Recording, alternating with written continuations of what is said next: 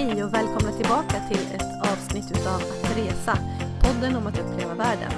Mitt i svenska sommarvärmen och semestertider så släpper vi ett avsnitt om någonting helt annat för det är aktuellt för Annika Myre, min poddkollega från resfredag.se som har varit ute och rest.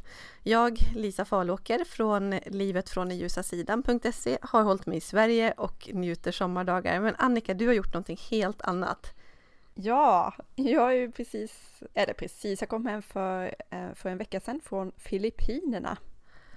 Ja, så häftigt och det blev ganska snabbt påtänkt.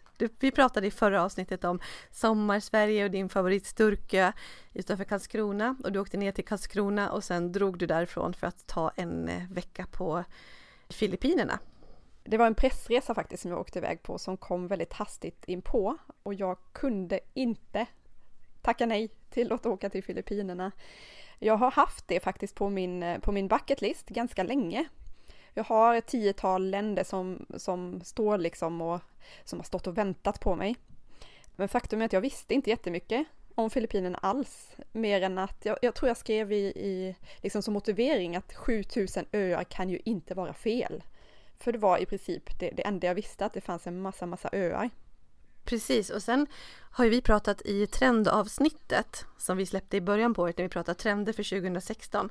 Då pratade vi just om Filippinerna som en eh, väldigt trendig destination som många pratar om, typ som alternativ till Thailand. Alltså vi svenskar älskar ju att åka till Asien och att det känns som att Filippinerna är ett sånt ställe som inte så många har varit till och alla som har varit där har älskat det. Så vi tror ju på det som en trendande destination. Ja, och ännu mer nu. Jag, alltså jag förstår verkligen hypen kring, eh, kring landet.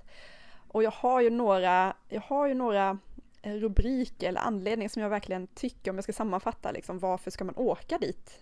Varför ska man åka till Filippinerna? Ja, men exakt. Jag är så otroligt nyfiken på det nu. Varför ska man åka till Filippinerna?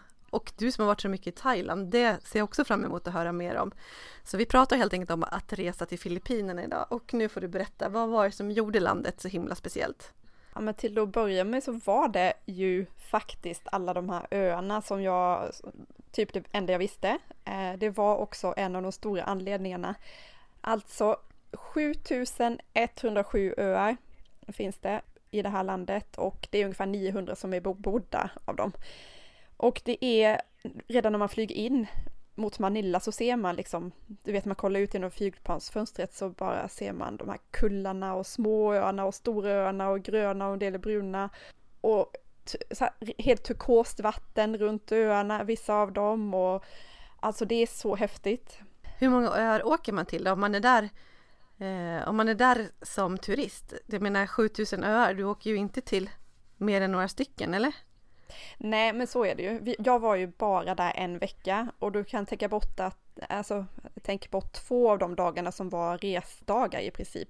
Så vi var väl fem fulla dagar och då började vi att flyga in till Manila som är huvudstaden på Filippinerna. En jättestad. Det är på kvällstid säger de att det är ungefär 12 miljoner invånare i stan och på dagtid så är det 18 till 19 miljoner invånare. Så det är alltså jättemånga som åker in och jobbar i stan och sen åker hem på, liksom på kvällarna.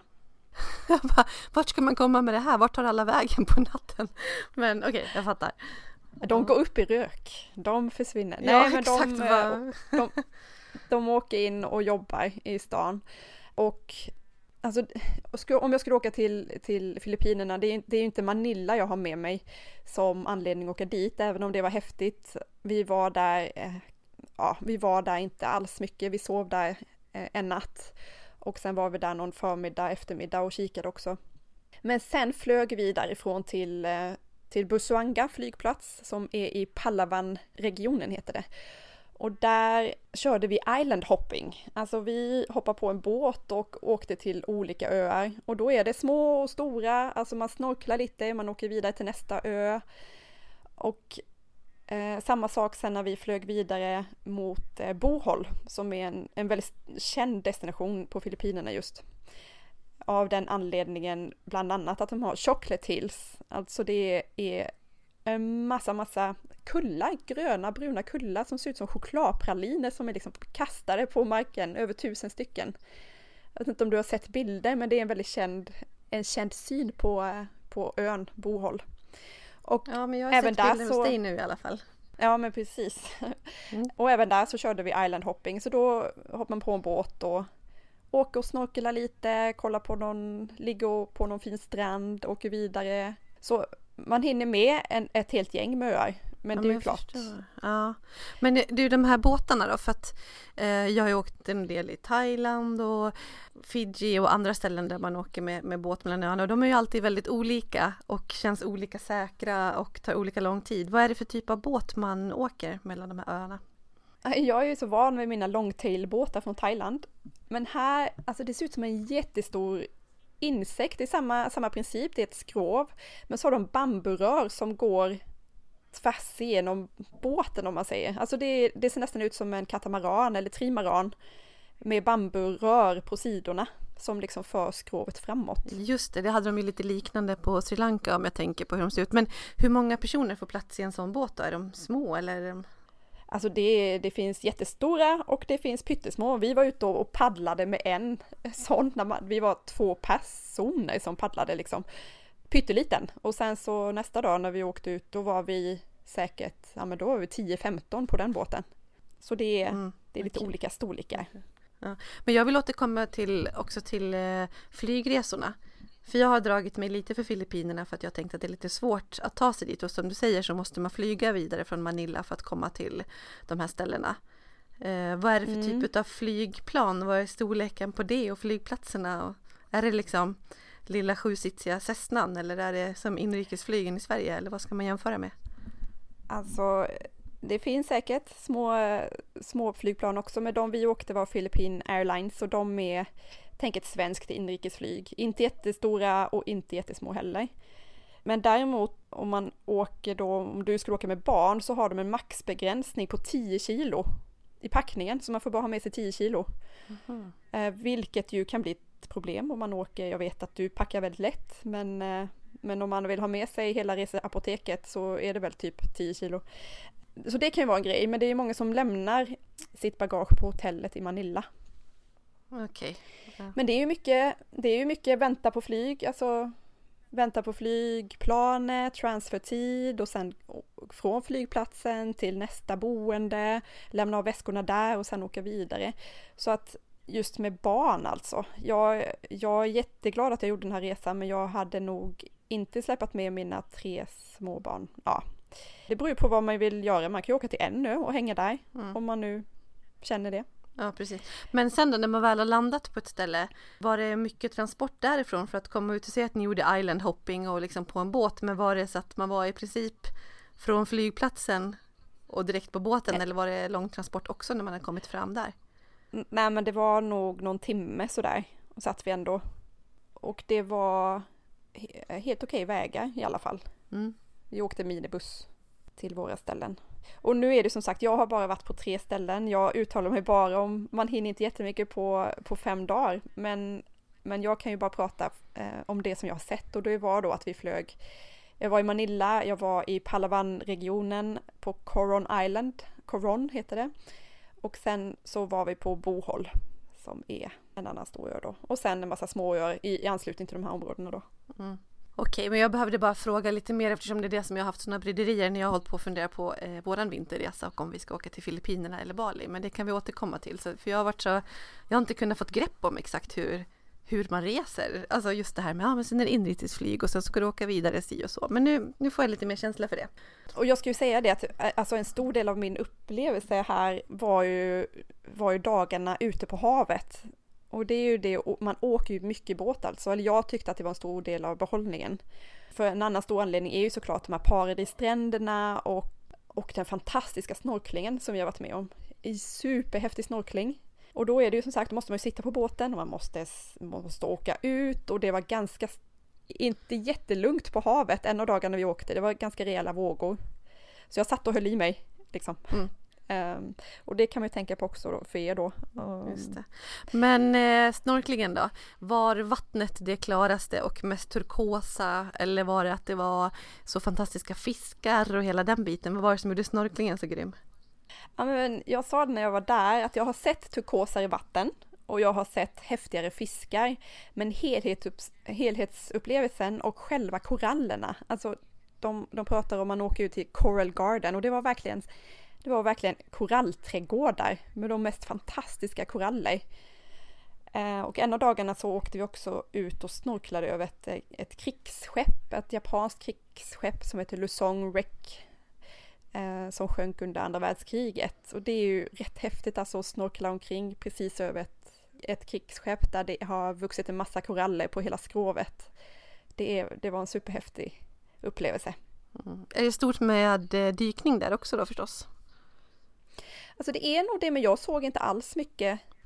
Jag mm. såg inte mycket dykning, eh, men vi, jag var så fokuserad. Nej, jag såg faktiskt inga, eh, inga dykare, men det var ju inte till de områdena som vi åkte såklart och snorklade.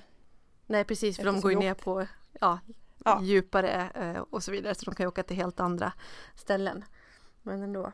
Ja. Men, och, och, jag tror också just det här, den fantastiska snorkelupplevelsen som jag hade, beror också på att jag är så van när man åker ut att det är tusen miljoner folk på samma, eh, på samma område som ska snorkla och det är en massa folk i flytvästar som sprattlar och är, är superrädda. Men vi var verkligen, alltså på vissa, på de områdena vi åkte till så var vi helt själva. Mm. Men... Och vi frågade, men hur kommer det sig? Alltså vad är det här? Varför, varför är vi själva? Vad är allt folk? Och då till, till Busuanga, dit vi flög in, eller Palawan, då har, de en, de har de ett tak på hur många turister de tar in.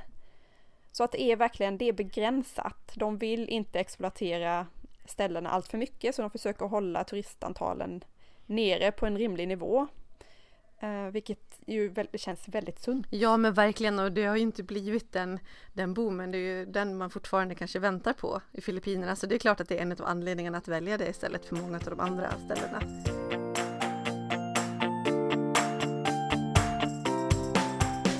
Men du, vad gäller stränderna då? Nu får du berätta för mig, hur vackra var de på en skala 1 till 10? Alltså, jag har en tia som heter Malkatoya Island. Ja, absolut i Palawan. Den var absolut en tia. Tyvärr han vi, vi hade så späckat schema så jag hann inte ens lägga mig ner på stranden. Jag tänkte bara hit måste jag komma tillbaka. Men det fanns jättefina stränder. På det första, första stället vi hängde fanns det inte en enda strand i sikte, så jag var helt såhär, va? Men vad är alla stränderna som folk pratar om? Den mest kända stranden, eller när man säger Filippinerna till svenska så kommer ju alla att tänka på um, Eh, man åker till, med hjälp, vad heter det då? Eh, Boracay. Boracay, Boracay mm. precis. Och jag var lite förvånad först när jag såg att vi inte hade det på schemat. Men det är ju verkligen, det är så här, de säger att det är Filippinas motsvarighet till Phuket. Så att det är supermycket turister. Det är fantastiskt, så här helt pulver, pulvervit sand men det är väldigt exploaterat, mycket turister och väldigt mycket asiater som, som vill ha mycket action på semestern, som vill ha, alltså det ska vara, man ska åka vattenskidor och man ska åka vidare till nästa grej och man ska vara ute på kvällarna och sjunga karaoke och det ska vara liksom eh, mycket action. Och de ställena vi var på var verkligen mer så här naturupplevelser och det var fina, alltså fina vyer och häftig snorkling. Så, det finns, det finns det mesta tror jag. Men då om man pratar om turisterna som är där, nu säger du asiater på, på vissa ställen och som vill ha en maxad upplevelse med eh, mycket serverat känns det som. Vad mm. skulle du annars säga om turisterna liksom och eh, från vilka länder och vilken typ av turister är det som kommer till Filippinerna? Vi fick höra att det, det är faktiskt, jag är lite förvånad av det, för de sa att det var mest koreaner och eh, folk, turister från Vietnam det har Aha. de mest. Och sen så är det mycket amerikanare. Inte jättemycket europeer och vi har det faktiskt, förstår du, jag har det inte svenska turister någonstans på hela tiden, vilket är jätte, jätte ovanligt. Mm. Ja, verkligen. Men det är ju inte riktigt den, liksom, den årstid som svenskarna reser allra mest heller till ett sånt ställe. Nej, det, det är det ju såklart inte. Ja, för nu var ju du borta i mitten på juni ska vi ja, tillägga precis. så att vi vet det. Ja. Mm. Sen vet jag att du hade några fantastiska upplevelser relaterat till djur och djurlivet och dina vilda delfiner. Det där lät ju helt sjukt. Ja, det var faktiskt en av de finaste. Jag sa det till min mamma bara, alltså det här var den finaste stunden i hela mitt liv när jag eh, chattade med henne på kvällen och hon bara, ja men dina barn då? När du födde dina barn? Ja, jag skulle precis säga. Ja. ja, exakt. Jag tänkte faktiskt nästan samma sak. Men då var det en storslagen ja. upplevelse förstår jag. Berätta, ja, vad hände? Det var, jag, hade, jag, hade, jag har rest mycket och jag har verkligen um, jag, jag, ville bli delfintämjare när jag var liten. Alltså det var min högsta dröm. Jag älskar delfiner. Och jag hade en massa, du vet, alla halsband och eh, bokmärken och klistermärken och böcker. Allting var delfiner. Och jag har sett någon vild delfin i Costa Rica men det var så här jättelångt avstånd. Och den här gången så, så åkte vi ut för att, eh, på Bohåll.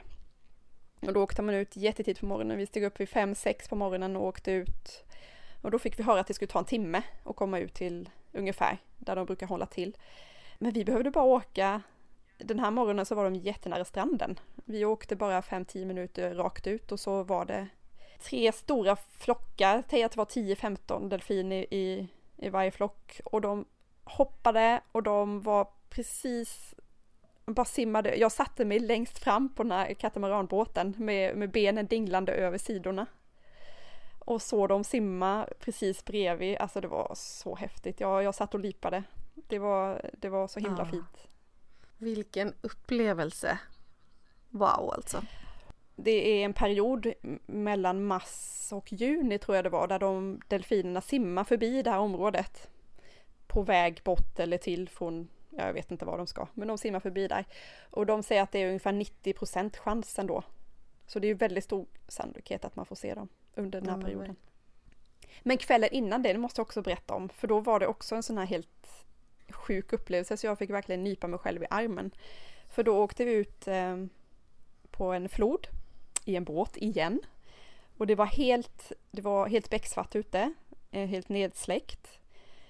Och vi åkte ut på den här båten och det var helt tyst, helt mörkt och stilla. Eh, och så åkte vi på floden. Och så, det var fullmåne den här natten också så det, månen kom fram och bara lyste upp på vattnet. Och så såg vi i träden att det började, alltså det var som dansande stjärnor. Som en julgransbelysning som, du vet, som släcks och tänds här jättesakta. Och då var det eldflugor som vi åkte ut och kollade på. Som svärmade i trädkronorna och det var helt surrealistiskt, alltså det var så himla fint. Och jag försökte, jag satt med kamera och bara jag ska fota det här. Men det gick inte. Alltså jag fick lägga ner den och bara njuta av, av stunden. Ja. Det var väldigt, väldigt, väldigt häftig upplevelse faktiskt.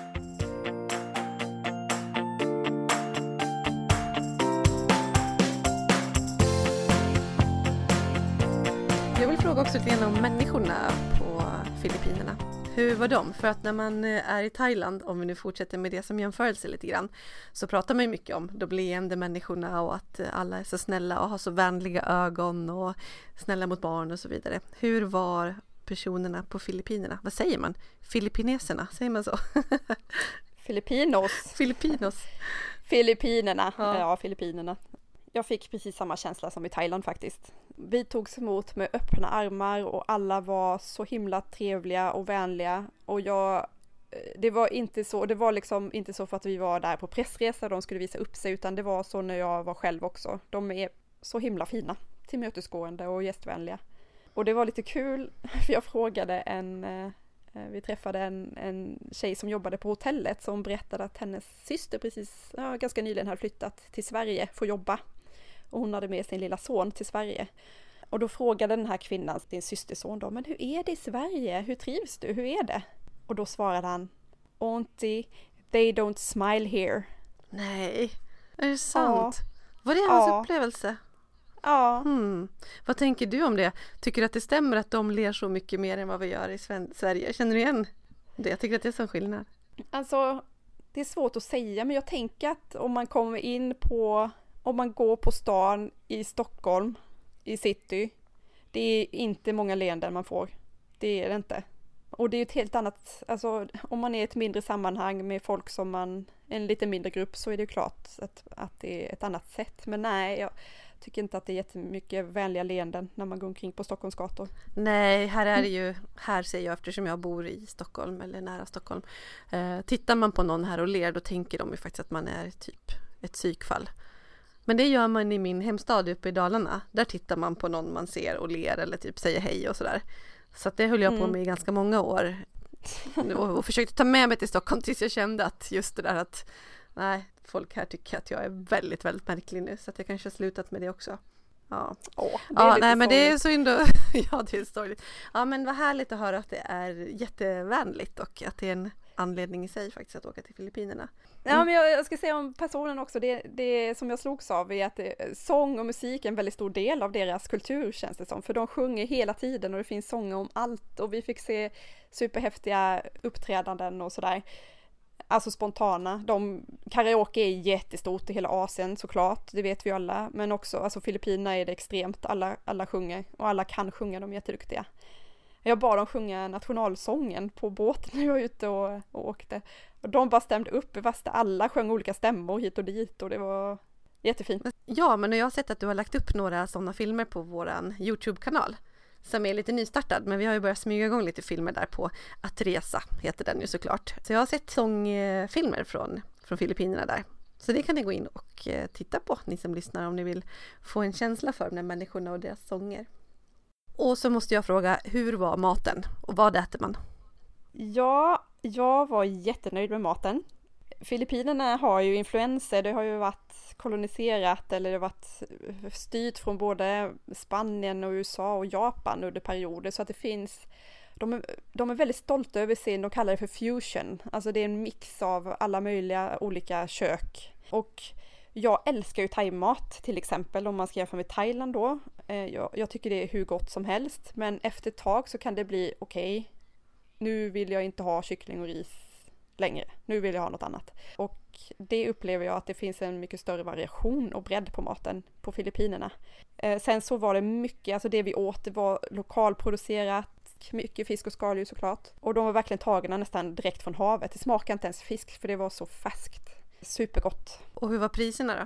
Priserna är billiga. Eh, Jag kollade på ett index, vi har pratat om det här Forex semesterindex förut. Då har de, jämfört med Sverige då som ligger på 100, så är indexet på Filippinerna 56 och om man ska jämföra med Thailand som ligger på 64, så det är billigare än Thailand. Mhm. Så bra priser också. Härligt, jag blir verkligen sugen på Filippinerna ännu mer än tidigare. Det låter hur bra som helst. Men vilka ska åka dit då? För du var lite inne på att det kanske inte riktigt är för barnfamiljen om man inte ska vara borta länge eller tycker att det är fine att eh, ha ganska mycket jobbiga transporter. Mm, alltså återigen, ju, vi, vi svarar ju nästan alltid det här. Du vet, vad vill du ha ut av resan? Vill man ha ut variation, ganska mycket naturupplevelser, men att man, kan, man ska vara beredd på att resa en del. Då, då är Filippinerna jättebra. Så jag som ensam resenär tyckte att det var hur bra som helst. Jag hade jätte, jättegärna åkt dit med min man Tobias som älskar naturupplevelser och inte gillar städer. Han var på riktigt jätteavundsjuk på den här resan och han brukar inte känna så. Han bara, ja nej men jag kan lika gärna stanna hemma, det är fotbolls-EM, du vet. Men den här resan skulle han ha älskat. Och det som jag tyckte var så fint på, på Filippinerna just var jag märkte verkligen av det här att de tänker hållbar turism och det är ekotänk och, och när vi var ute och kollade på djur då var det verkligen att man fick kolla på dem i deras naturliga tillstånd. Så vi var och kollade på sådana här spökdjur, du vet tarsiers med de här jättestora ögonen. Ja, just det. Jonas Wahlström på Skansen brukar alltid stå och hålla en sån. Ja, jag ser det framför mig. Ja, Ja, pyttesmå, man, man, de ryms i handflatan. just det. Men de trivs inte alls i fångenskap. De eh, blir typ självmordsbenägna och börjar slå huvudet mot väggarna om de får om de hålls fångna, vilket är jättekonstigt att Skansen har dem tycker Ja, jag. Men verkligen. de var vi ute och kollade på i ett reservat där man fick gå ut i skogen och kolla på dem. Och det var ju samma med, eh, med de djurupplevelserna vi hade, att de, att de försöker tänka på det.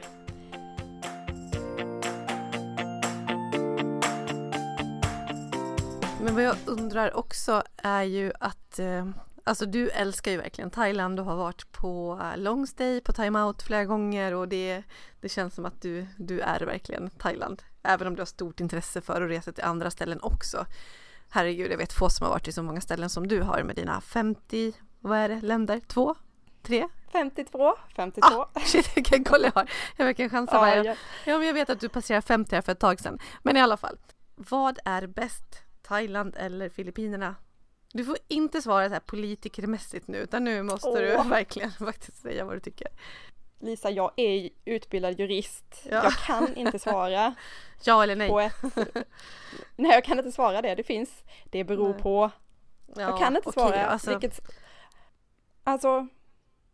Åh. Du resa är en i- gråskal. Ja. Går, ja. Nej men om jag skulle åka själv, helt själv, då skulle jag, om man har redan varit i Thailand så skulle jag åka till Filippinerna nästa gång. Jag skulle inte åka tillbaka till Thailand. Jag skulle åka till Filippinerna för att få mer variation och bredd. Grejen är att åker man till Thailand, då vet man vad man får. Och jag tycker alltså det finns ett, ett uttryck som, om man har varit i Thailand hör man det hela tiden och de pratar om same same but different. Det Mm, har väl ja, du också kört några gånger. De säger det hela ja, tiden. oh ja. Och, och, Ja. och jag tycker att det sammanfattar ganska bra den upplevelsen som, som jag har från Thailand. Alltså jag vet vad jag får när jag kommer dit. Det serveras ungefär samma mat på restaurangerna. Stränderna ser ungefär likadana ut var man än kommer. Alltså smoothiesarna smakar ungefär likadant. Massagen känns ungefär likadant på stranden. Alltså det är verkligen same same but different. Och på Filippinerna så är det inte same same utan det är different för det finns större variation och större alltså större utbud på, på landskap och aktiviteter och sådär.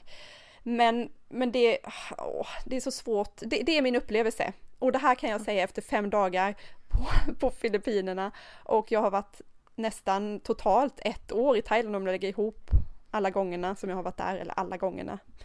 Ja, nej men det blir ju inte en, en rättvis jämförelse. Du kan Thailand utan och innan och allt och du känner det landet och nu har du smakat på kakan Filippinerna och vill ha mer och eh, jag blir också jättesugen på att göra det men jag förstår att du inte du är inte Filippinerna-expert och du kan ju inte säga lika mycket om det som du kan göra om Thailand för du har inte den relationen till det och det är ju fullt naturligt. Ja, Så och det det- kanske är så att jag, jag tänker som person är jag ganska, alltså jag vill ha nya grejer. Eh, och det är väl det jag känner nu att wow, jag kommer hem och är helt begeistrad av, av Filippinerna. I Thailand vet jag vad jag får, jag har varit där och jag, jag kommer fortsätta åka dit. Jag kommer fortsätta åka dit så ofta som det går. Det är perfekt om man har barn. Vi, vi har älskat att vara där tillsammans som familj. Det är oslagbart Mm. tycker jag. Ja, det var ett ganska politiskt eh, korrekt och eh, svar som kan tolkas lite på olika sätt. Men eh, du ska ju inte ge oss några svar. Herregud, alla reseupplevelser är ju så subjektiva.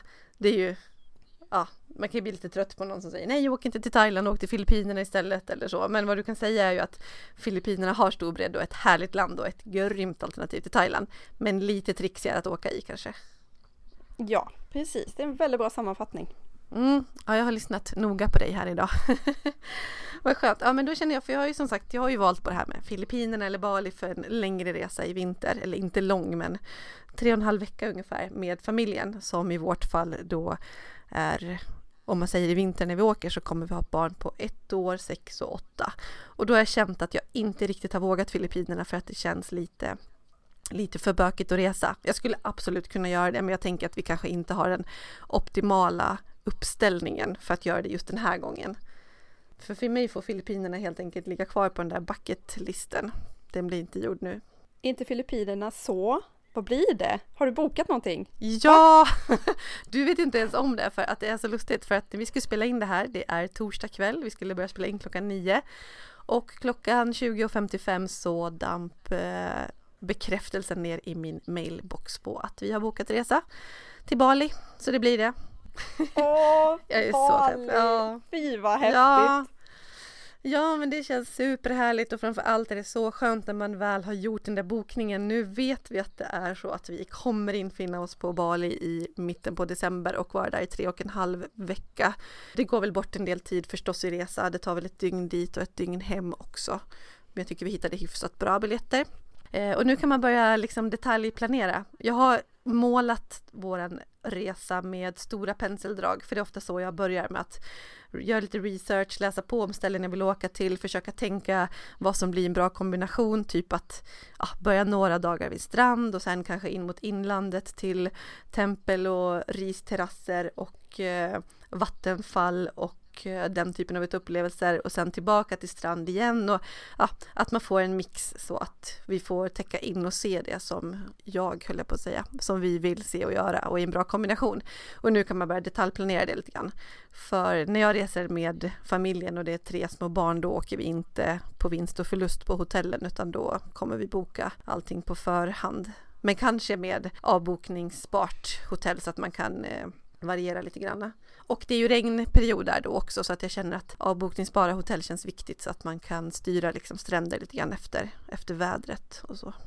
Men du, vad glad jag är för din skull. Ja, men vad härligt att det blir Bali. Ja, det känns jättekul. Jag har aldrig varit där. Jag har varit i Indonesien, men på Sumatra som är en ö den mest nordliga som ligger liksom rakt västerut ifrån Malaysia sett och hade fantastiska upplevelser. Så Indonesien har jag varit i, men Bali känns ju som någonting annat bekant men nytt för oss och och eh, ja, det ska vi.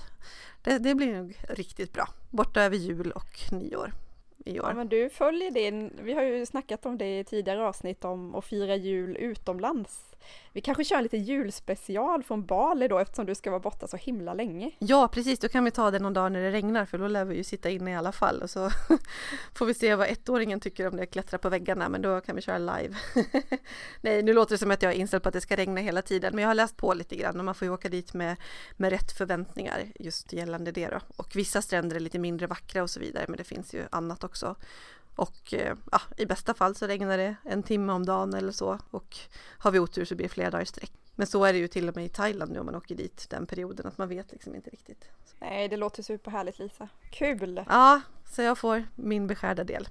Så då får vi väl återkomma till en eh, Thailand versus Filippinerna versus Bali. Eller nu kanske folk är trötta på, på Asien. Släpp det! Ja, vi, vi får nog, vi får nog spana lite, lite mer västerut snart. Det är mycket, vi blickar österut, både liksom österut i, i Europa och bort mot Asien. Men vi gillar ju det. Ja men det gör ju det. Ja exakt, jag var faktiskt lite inne på Karibien ett tag också. Det har vi bara smakat lite grann på den där kakan igen, att vi har varit runt på, på kryssning och liksom hoppat till några olika öar där. Så Karibien var jag lite sugen på, men det är någonting med Asien ändå. Jag kände att nu är det läge för Asien. Det var, det var ganska länge sedan som jag var åt det hållet ändå. Men du, yes. eh, sommar, sommar i Sverige är faktiskt inte så himla pjåkigt det heller, eller hur? Nej, verkligen. Eh, det är eh, urhärligt skulle jag säga och den har ju börjat sannoliken himla, himla, himla bra. Om du nu ligger där på Sturkö och tittar ut över den där solnedgången eller solen som går upp eller barnen som leker där barfota i gräset och så.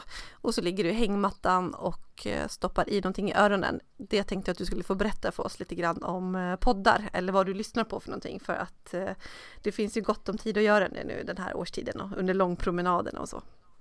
Precis, vi, så vi, vi kör veckans lista helt enkelt med poddtips som vi själva lyssnar på.